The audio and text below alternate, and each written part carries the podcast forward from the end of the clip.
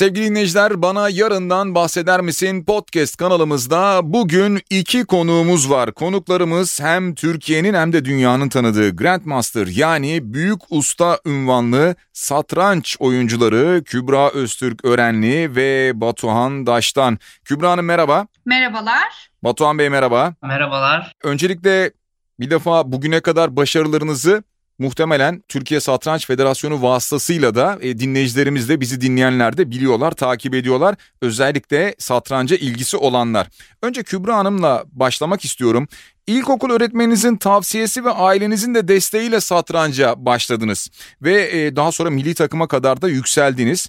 Belki şöyle söyleyelim yani öğretmeniniz aileniz olmasa size bu desteği vermeseler bugünler belki hiç yaşanmayacaktı. Bilmiyorum öncelikle buna katılıyor musunuz? Bir de bu noktada hem sporcu hem de aynı zamanda siz bir öğretmensiniz. Öğretmen kimliğinizle öğretmenler ve ailelere buradan neler söylemek istersiniz? Ee, öncelikle ilk sorunuza kesinlikle katılıyorum. Ee, çünkü e, aile ve öğretmenin desteği bu noktada öğretmen yönlendiren, ailede destekleyen taraf oldu bende ve en büyük şansım her zaman söylüyorum ailem ve öğretme, öğretmenim oldu. Ee, satranca başlamamda, satrancı öğrenmemde e, en büyük etkileri kendisi oldu. Çünkü e, öğrendi, satrancı öğrendiğim, yetiştiğim çevre... E, satranca çok sıcak bakmayan bir çevreydi. Benimle beraber tek başlayan ben değildim öğrenci olarak. Arkadaşlarım da vardı. Hı hı. Ama aileleri istemediği için satrancı bırakmak zorunda kaldılar. Ama benim ailem her zaman destek oldu. Ve gerçekten e, bir şey gördüler ben hep bunu söylüyorum. Yani bir şey hissettiler, gördüler. Orada öğretmenimin hissedip beni yönlendirmesi, ailemin desteklemesi bunlar hepsi aslında e, hani bilmiyorum şans evet belki şans ama planlı gibiydi benim hayatımda. Gerçekten hani satrancın sesini bilmiyorduk hmm. aile olarak. Benle beraber başlandı.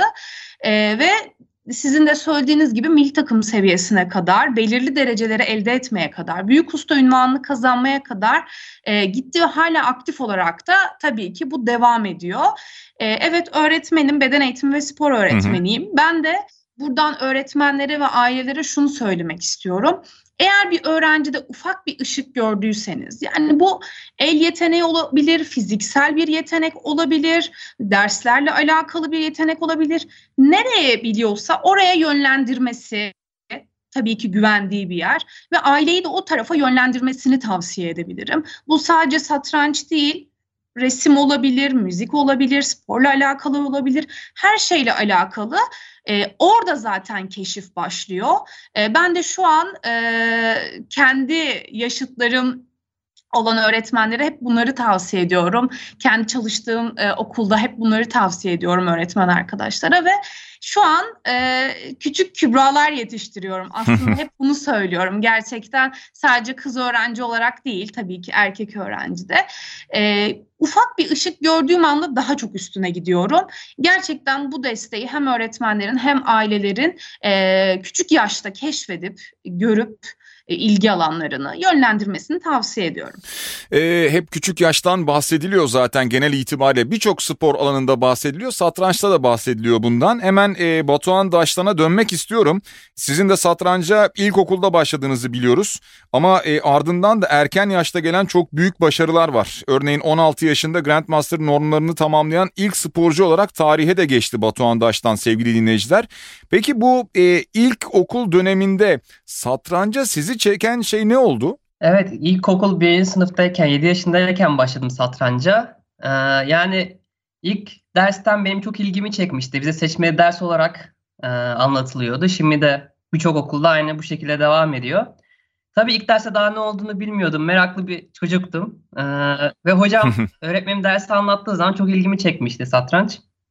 Ondan sonra ailemin de desteğiyle kurslara katılmaya başladım.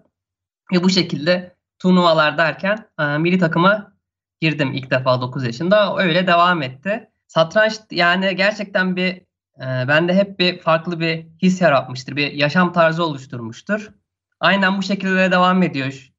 Şimdilik bunu söyleyebilirim. Aslında e, yaşam tarzlarını biraz sonra ikinize de soracağım. Spora küçük yaşlarda başlayan bir sporcu olarak satranca ilgisi olanları nasıl yönlendirmek istersiniz? Ne yapabilirler? Yani öncelikle tavsiyem şu şekilde. Gerçekten seviyorlarsa kesinlikle bırakmasınlar. Olabildiğince devam etsinler. Tabii ki de eğitim şartları e, birazcık engelliyor ama illaki derece yapacaklar. İşte milli takıma girecekler. Ondan sonra yurt dışında güzel dereceler elde edecekler şeklinde düşünmek yerine bence öncelikle satrancın zaten birçok avantajı var. Hem derslerine yardımcı olma konusunda hem de hayatlarında karşılaşabilecek zorluklara karşı gerçekten iyi bir tecrübe kazandırıyor. iyi bir analitik düşünce kazandırıyor. Hı hı. Ve ilk önce bu yönden yaklaşmak gerekiyor diye düşünüyorum. Yani illaki başarılı olacaklar, dereceler elde edecekler, milli takıma girecekler diye değil de öncelikle hem zevk alacakları küçük yaşlarda özellikle hem de kendilerini geliştirebilecek çok güzel bir spor satranç. Öncelikle böyle düşünmek gerekiyor. Peki e, Kübra Hanım bu noktada size soracağım. Şimdi satranç deyince insanların kafasında oynamayanların kafasında da şöyle bir şey beliriyor. Ya satranç bilen birisi ise e, hayata da çok önemli olumlu etkileri oluyordur. Satranç bilmek bu açıdan önemlidir diye düşünülüyor. Bu ne kadar doğru? Satrancın e, günlük hayatınıza veya sizin mesleğinizle alakalı e, eğitiminize, eğitim hayatınıza nasıl katkıları ve etkileri oldu? Ee, bir kere planlı programlı oluyorsunuz. Satranç oynayan bir e, kişi, bir sporcu genel olarak planlı programlı çalıştığı için bu hayatına da tabii ki e, etki ediyor. Ben her yani 8 yaşında başladım. Her yaş döneminde hatırlıyorum kendimi. Gerek özel hayatım gerek e, satranç hayatım hep disiplinli ve programlı olmuştu. Yani satrancın etkileri e, öğrenciler üzerine, sporcular üzerine çok büyük e, tabii ki katkıları oluyor. Bunun haricinde tabii ki nasıl söyleyeyim belki de e, satranç oynayan kişilerde bu tarz şey görülüyor olabilir ama aslında satranca başlayan kişilerin bu tarz özellikleri kazandığı yani öncesinde var olmasa bile satranç oynadığında kazandığı bir sürü özellik olabiliyor ki e, birçok doktorun belki Batuhan burada bana destek çıkabilir. E, hani Sovyet kökenli ülkelerdeki doktorların hiperaktivite için e, satrancı önerdiğini biliyoruz ve bir sürü GM'nin de hiperaktivite teşhisi konmuş çocukluktan bir doktor tavsiyesiyle başlayan bir sürü sporcu biliyoruz. Bu tarz hani tabii ki etkileri oluyor. Dersleri anlamında bir sürü tabii ki fayda sağlayabiliyor. Bir kere analitik düşünüyorsunuz, ileriyi düşünebiliyorsunuz zaten. Ee, birkaç adım ötesine düşündüğünüz için her zaman hayata karşı da bu şekilde e, yaklaşıyorsunuz. Acaba bu bunu yapsam ya da bu kararı aldığımda şu nasıl olacak, bu nasıl olacak diye kendinize yollar e, keşfediyorsunuz, yollar çiziyorsunuz. E, bu tarz tabii ki etkileri olabiliyor. 8 yaşında başladığım satrancım ya satranç hala hayatımda. E, üniversiteye satranç sayesinde e, girdim. Hacettepe Üniversitesi e, Spor Akademisi'ne e, millilikle girdim. Daha sonrasında hmm. e, mezun oldum. KPSS'ye girmeden e, millilik kontenjanından direkt öğretmen olarak atandım. Tabii ki bir sürü benim için avantajı vardı ama bunları ben elde ettiğim için aslında e, bu tarz şekilde ödüllendirildim diyeyim. Çünkü Avrupa şampiyonluğu, dünya ikinciliği, dünya şampiyonluğunu paylaştım vesaire. Bunların sonucunda e, tabii ki devletin atamasında hak kazandım. O yüzden e, dediğim gibi yani satranç hala hayatımda, hala devam ediyor. Bir kariyerim olmasına rağmen, bir öğretmen olarak devam etmeme rağmen satranç e, her zaman söylüyorum ilk mesleğim benim. Çünkü 22. yılındayım ve öğretmenlikte 7. yılındayım. o yüzden e, ilk mesleğim tabii ki e, sporunu yaptığım satranç. Şimdi e, Kübra bahsetti. Batuhan Bey'e soracağım bunu e, hiperaktivite konusunu. E, şimdi tıpla ilgili doktorlardan da bahsetti. Neden böyle bir pas attı onu söyleyelim. E, Batuhan Daş'tan aynı zamanda şu bizim röportajı yaptığımız an içerisinde tıptan da mezun olduğu dönemde. E, şimdi bir yandan tıp okurken tıp okumak çok zordur. E, hep böyle bilinir, hep böyle söylenir zaten. Bir yandan da e, satrançta büyük başarılar elde etti. Şimdi bir bu hiperaktivite konusunu soracağım. İkincisi e, satrancın sizin eğitiminize nasıl katkılar sağladığını düşünüyorsunuz? Öncelikle ilk hiperaktivite kısmını cevaplayayım. Kübra ablanın dediklerine kesinlikle katılıyorum. Satrancın sağlık açısından da gerçekten birçok katkısı var. Alzheimer gibi nörodejeneratif hastalıklara, demansif süreçlere de bir katkısı olduğu bir gerçek. Ee, onların önlenmesine bir katkısı olduğu bir gerçek. Ee, ve aynı e, diğer psikiyatrik hastalıklarda hiperaktivite bozukluğu gibi hastalıklara da bir e, tedavi sürecinde aslında yer alabiliyor satranç. Böyle güzel katkısı da var. Hı hı. Diğer kısmına gelecek olursak da satranç e, ve tıp e, konusunda 2015 e, yılında ben liseden mezun oldum ve tıp fakültesinde kazandım. Koca Üniversitesi Tıp Fakültesi'nde okuyorum ve şu anda da bitirdim sayılır. tabii ki de zor bir süreç oldu. Özellikle son sene, lise sondayken o 2014-2015 senesinde satranca bir sene uzak kaldım. Aktif olarak oynayamadım daha doğrusu lise sınavını kazandıktan sonraki yazın iyi bir turnuvalara gittim. Ondan sonra tıp fakültesi başladı. Yine bir senelik yaklaşık bir süreç. Yine aktif olarak çok fazla turnuvalara katılamadım. 2-3 turnuva oynadım 9 aylık süre içerisinde. Ama bunu bir şekilde e, bu döngüye alıştım zaten sürdürdüm. Turnuvaya gidemediğim zamanlarda satranç olabildiğince çalıştım, kendimi geliştirdim. Ve ilk hatırlıyorum birinci senenin sonunda büyük usta olmuştum 19 yaşındayken. O zamandan bu sürece kadar da iyi bir ilerleme kat ettiğimi düşünüyorum. Tabii ki de zor oldu. Hem e, bir yerden sonra zaten ilerlemek çok zor oluyor satrançta. Hele ki büyük usta olduktan sonra daha da yüksek reytinglere ulaşmaya çalışıyorsunuz. Bir yandan da tıp eğitiminin zorluğu var. Ama iki işi de severek yaptığım için bence en önemlisi bu benim. E, iki konuda da iyi bir başarı elde etmemin en önemli sebebini bu görüyorum. İki işi de severek yapıyorum. İkisine de çalışmalarım olsun, işte satranç turnuvalarındaki maçlarım olsun zevk alıyorum ve bu şekilde götürdüm şu ana kadar. Ne güzel. Ee, yani ben aslında e, hem Kübra Hanım'dan hem Batuhan Bey'den şunu anlıyorum ki ikisi de aslında farklı mesleklerde, farklı alanlarda olmalarına rağmen bir defa e, hem mesleklerini hem işlerini hem de satrancı bir arada götürebiliyorlar ve bundan dolayı da çok büyük mutluluk duyuyorlar, büyük bir keyif alıyorlar. Kübra Hanım şunu soracağım. Siz biraz önce işte milli takımdan da bahsettiniz. Milli takımda e, Türkiye'yi temsil ediyor olmak e, nasıl bir duygu veya şunu da merak ediyorum aslında. Yani normal bir oyunla milli maçtaki milli oyun arasında bir fark var mı? Oyununuza nasıl etkileri oluyor? Ee, şöyle söyleyeyim, satranç hem bireysel hem takım e, olarak oynanabilen bir spor branşı. Takım dediğimde de yani herkes bir maçta oynamıyor. Yine içinde bireysel ama takım maçı olarak, e, takım puanı olarak yarışıyorsunuz. E, genel olarak olimpiyatlarda, Avrupa takımlarda Türkiye adına yarıştığımız büyük turnuvalarda büyük heyecan oluyor. Çünkü bir ülkeyi temsil ediyorsunuz, bir bayrağı temsil ediyorsunuz. Gerçekten bu heyecan verici. E, ve gerçekten satranç sporcularının bunu yaşamalarını tavsiye de ederim ve altyapıdan da bu anlamda yetiştirmeye de çalışıyorum bizlerden sonra gelecek e, genç kızlar için. E, ama onun haricinde bireysel olarak Avrupa yaş grupları olsun, Avrupa şampiyonluğu olsun ya da herhangi bir turnuvaya katıldığımızda ben hep şunu düşünüyorum. Hep kendi adıma ve Türkiye adına yarışıyorum. Yurt dışı olsun, yurt içi olsun. E, hep bu e, bilinçle turnuvalara gittim ve hep o heyecanı içimde tuttum. İlk Avrupa şampiyonu olduğumda kürsüye çıktığımda bayrağımızla hmm. beraber gerçekten inanılmaz bir duyguydu. Ee, yani bunu hani nasıl tarif edebilirim bilmiyorum ama o İstiklal Marşı'nın okunması ve sizin sayenizde bunun e, sizin başardığınız inanılmaz bir duygu. E, yani anlatılmıyor. Gerçekten e, hani kelimeler kifayetsiz kalıyor. Onu hissetmek çok çok önemli. E, benim en mutlu olduğum andı. E, dediğim gibi yani benim için olimpiyatlar, Avrupa Takımlar Şampiyonası çok önemli ama genel olarak her gittiğim turnuvada Türkiye adına yarışmak e, hep aklımın bir ucunda oluyor ve e, bu benim motivasyonumu aslında artıran taraf oluyor. Ne güzel motivasyonu da arttırıyor bir yandan ve aynı zamanda yurt dışında da bizi gayet iyi bir şekilde temsil ediyorsunuz. Aslında size çok şey borçluyuz. Biraz sonra satrancın Türkiye'deki algısını da konuşacağım ama bir başka soruyla devam etmek istiyorum Batuhan Bey'le. Biraz önce anlattım. Bu kadar genç yaşta bir Grandmaster ünvanı alındı. Yani büyük usta diyelim ünvanı alındı. E, bu ünvanı almak sizin oyununuzu etkiledi mi? Size getirdiği sorumluluklar oldu mu? Neler var? Kesinlikle. Ama şöyle oldu. Benim açımdan pozitif oldu. Büyük usta olduktan sonra.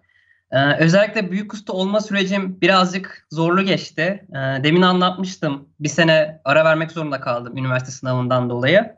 Ve o sene tam sınırdaydım aslında. Büyük usta olmaya çok yakındım. Ee, üç normunu tamamlamıştım zaten 16 yaşında. 2500 elo bandını geçmem gerekiyordu sadece. Ve benim de almam gereken yaklaşık 50-60 elo vardı. Yani güzel bir 3-4 turnuva geçirirsem e, büyük usta olacaktım büyük ihtimalle. Hı hı. E, bir sene ara vermek zorunda kaldım.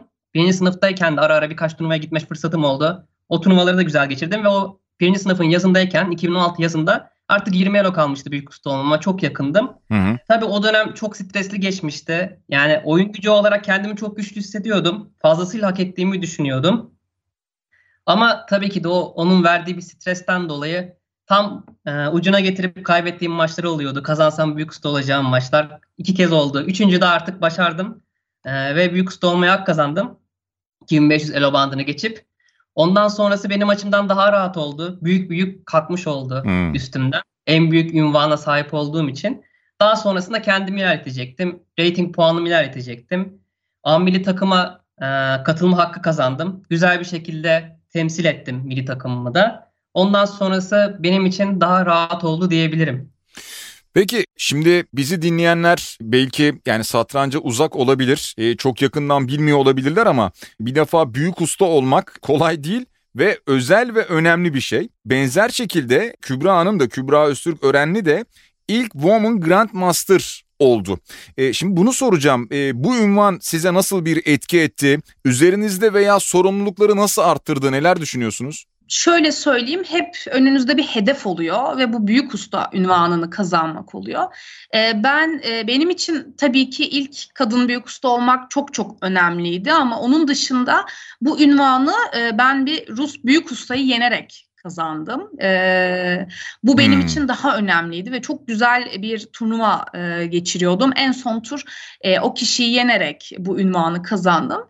E, tabii ki daha e, benim için e, mükemmel oldu. E, sorumluluklar elbette artıyor. Biriyle karşılaştığınızda, biriyle bir maçta oynarken e, sizi yenmek için oturuyor. Çünkü büyük ustasınız ve kendini kanıtlamak için uğraşıyor. Bunun da bir aslında gerginliği oluyor maçlarda her zaman. E, çünkü hep o seviyede kendinizi tutmak zorundasınız. O seviyenin altına e, inmemeniz gerekiyor satrançta ya da daha yükseğe e, çıkmanız Hı. gerekiyor. Tabii ki bunun gerginliği her maçta oluyor ama Batuhan'ın da söylediği gibi o ünvanı elde ettikten sonra e, insan bir e, rahatlıyor, omuzlarından büyük kalkıyor. Çünkü senelerdir uğraştığınız o ünvanı kazanmış oluyorsunuz. E, ve ve artık sizin için e, kadın büyük usta ve Türkiye'nin e, hani iki tane kadın büyük ustasından birisiniz ve bunu ilk başaran kişisiniz. Bu gerçekten e, herkesin parmakla gösterdiği bir nokta oluyor bir yerde. Ne güzel yani sizin adınıza gerçekten büyük gurur verici bir şeyden bahsediyorsunuz. Çok özel, çok güzel. Şimdi Grandmaster gibi özel maçların atmosferini de soracağım ben. E, bunu da Batuhan Bey'e sorayım. Diğer maçlarla kıyasladığınızda buradaki psikoloji, oyunun üzerine yansımaları neler oluyor? Ee, şöyle demin Kübra abla bahsetti zaten. Ee, benzer şeyi ben de şimdi söyleyeceğim. Öncelikle yani ünvan gerçekten bir etki ediyor özellikle rakip oyuncular tarafından. Yani siz bir büyük usta olduğunuzda e, ya da başka bir ünvan sahip olduğunuzda rakibin tavırları da değişiyor. Tabii ki bu rating puanıyla da ilişkili. Hani hmm. Yani ratinginiz ne kadar yüksekse daha farklı oynuyorlar size ya da ne kadar düşükse daha farklı oynayabiliyorlar. Büyük usta olduğunuz zaman tabii ki de e, rakibinizin de e, ratingine de bağlı, bu gücüne de bağlı. Size karşı daha böyle gerçekten saygı duyuyorlar, saygı hissediyorsunuz. Oyunda saygıdan kastım da şu. Mesela e, iyi pozisyona geçtikleri zaman ya da hafif iyi pozisyona geçtikleri zaman beraberlik gibi durumlar oluşabiliyor. Ve burada gerçekten hani çok fazla zorlamıyorlar bazı pozisyonlarda. Sizin çünkü e, engin oyun sonu bilginize sahip olduğunuzu biliyor onlar da. E, ya da tam tersine hmm. sizden gerçekten daha güçlü olduklarını düşünüyorlarsa tam tersi pozisyonu zorlayabiliyorlar sonuna kadar. Hani çok böyle artık bizim ölü berabere dediğimiz pozisyonlar vardır. Artık zorlanmayacak. Hmm. Çok basit bilindik şeylerdir. Onları zorlayabiliyorlar. Ee, bu şekilde olabiliyor daha çok ama bir dezavantajı da şu hani bu daha çok avantaj gibi durdu. Büyük usta olmanın başka dezavantajı da demin Kübra ablanın söyledi. Rakipler daha bir hırslı oynuyor size karşı. Sonuçta kendilerini ispat etmeye çalışıyorlar. İşte kazansalar bir puan çıkarsalar bir büyük ustadan puan çıkarmış olacağım. Düşüncesinde oluyorlar. Tabii ki de çok normal bu. Bizde de oluyor bu. Dünyadaki sayılı elit oyuncular var. Onlara karşı oynadığımız zaman bize de bu olabiliyor aynı şekilde. Ee, bir beraberlik, bir puan kazanma, bir puan kırpma hissi oluşabiliyor. Bu şekilde söyleyebilirim. Genel olarak e, şöyle bir soruyu yine her ikinize sormak isterim. E, Türkiye'de satrancın bulunduğu nokta hakkındaki düşüncelerinizi soracağım. Ben aslında zamanında birçok defa e, turnuvalar pandemi öncesi yapılırken genç yaş gruplarının çeşitli turnuvalarına hem yurt içinde hem yurt dışında Avrupa Şampiyonası turnuvalarına katıldım. Bizzat orada da ben de yer aldım. Ki gençlerin ne kadar çok ilgi gösterdiğini anladım. Ne kadar çok hassas olduklarını bu konuda da anladım. Ama daha fazla kitlelere ulaştırabilmek adına, satrancın gelişimi adına neler yapılabilir Kübra Hanım? Ee, öncelikli olarak bir e, burada şunu söylemek isterim. E, 15 yıl önce yaklaşık 15 yıl önce İş Bankası'nın sponsorluğuyla satranç gerçekten e, pik bir noktaya çıktı. Okullarda seçmeli ders olması, İş Bankası'nın okullarda satranç sınıfı açması bu noktada satrancın e, ilkokul seviyesine kadar inmesine hatta anaokulları seviyesine kadar inmesine e, fayda sağladı. Ve artık okullarda seçmeli ders olmasından dolayı öğretmenlerimiz e, çocuklara e, satrancı öğretiyor ve artık okulda bunun altyapısını alıp kendisini geliştirmek isteyenler kulüplere ya da özel hocalara yönleniyor. Bu noktada gerçekten e, bir 15 yıl öncesi satranç e, Türkiye satrancına baktığımızda ve e, şimdiki zamana baktığımızda gerçekten çok çok büyük fark var. Elde edilen dereceler, elde edilen ünvanlar, yapılan turnuvalar gerçekten bunu zaten ispatlıyor ve kendini gösteriyor. Bu noktada gerçekten iyi bir noktada olduğumuzu düşünüyorum. E, bence daha da e, iyi olması gerekiyor tabii ki. E, bu anlamda hani sponsorlukların artması belki e, satrancın e, daha geniş kitlelere yayılmasına sebep ol, olabilir. E, biliyorsunuz reklamlarda çıkıyor artık satrancı. Ben ilk başladığımda pek kimse bilmezdi. İşte taşlarla oynanıyor şöyle böyle. Hmm. Ama şu an artık taşların ismini söyler e, şekilde işte turnuvalar olmasını ya da işte yurt dışına gidilmesi, eğitimin alınabileceği, satranç eğitiminin alınabileceğini biliyor artık herkes. Bu bile bence Türkiye'de e, bir büyümenin e, göstergesi olduğunu düşünüyorum. Ama tabii ki daha geniş kitlelere e, yayılmamız gerekiyor. Sizin de söylediğiniz gibi yaş gruplarımız çok büyük oluyor ve çok e, da katılım oluyor. Genç nesil satrancı çok çok seviyor. Ben de bu pandemi sürecinde online olarak eğitim verdiğim için beden eğitiminde hem egzersiz hem satranç eğitimi verdim çocuklara. Gerçekten inanılmaz seviyorlar. Ben kendi dönemimde düşünüyorum. İlkokul ikinci sınıfta ben bilmiyordum ama şu an okul öncesinde çocuklar artık öğrenip e, bilerek geliyorlar. Bu gerçekten e, ümit vaat edici bir durum diye düşünüyorum. Evet e, sizin de söylediğiniz gibi bu noktada e, Türkiye Satranç Federasyonu'nun da çalışmaları çok değerli. E, destek olan sponsorların çalışmaları da işte Türkiye İş Bankası gibi sponsorların çalışmaları da katkıları da çok değerli oluyor. E, bir defa tabana yaymaya başladı. Türkiye'nin dört bir yanına e, satranç sınıflarını yaymaya başladı bu çalışmalar. Batuhan Bey e, aynı soruyu size de yönlendirsem e, satrancın gelişimi daha büyük kitlelere ulaşması için sizin önerileriniz ne olur? Yani bence şu anda gayet güzel gidiyor. Hani gün geçtikçe e, satrancın daha çok e, kitlelere yayıldığını görüyorum ben de. Benim zamanımda da söylediğim gibi seçmeye ders olarak biz zaten başlamıştık. Şu anda aynı şekilde devam ediyor. İlkokul birinci sınıftan itibaren birçok okulda satranç öğretiliyor, anlatılıyor. Ve ilgisi olan çocuklar da kurslara, turnuvalara yönlendiriliyor. Ee, bunu daha belki nasıl daha geniş kitlere yayılabiliriz onu düşünmemiz gerekiyor. Belki daha küçük yaşlardan itibaren başlatabiliriz. Çünkü 7 yaş bile şu an günümüzde pek aslında genç bir yaş değil aslında. Daha küçük yaşlarda yani üçlü dörtlü yaşlar bile e, söyleniyor Rusya'da o yaşlarda başlatılıyor ama o biraz abartı olabilir. E, en azından bir beşli altılı yaşlarda başlatılması daha da yani anaokulunda, kreşte başlatılması daha da belki faydalı olabilir. Çünkü gerçekten e, yaş küçüldükçe insan beyni de öğrenmeye daha çok açık oluyor hani küçük çocukların ezber konusunda daha iyi olduğunu söyleyebiliriz. İnsan beyni de gitgide yaşlanıyor ve daha küçük yaşlarda gerçekten daha büyük katkısı olacağını satrancın düşünüyorum ben. Ee, ama onun dışında gerçekten iyi bir ilerleme kaydediyoruz.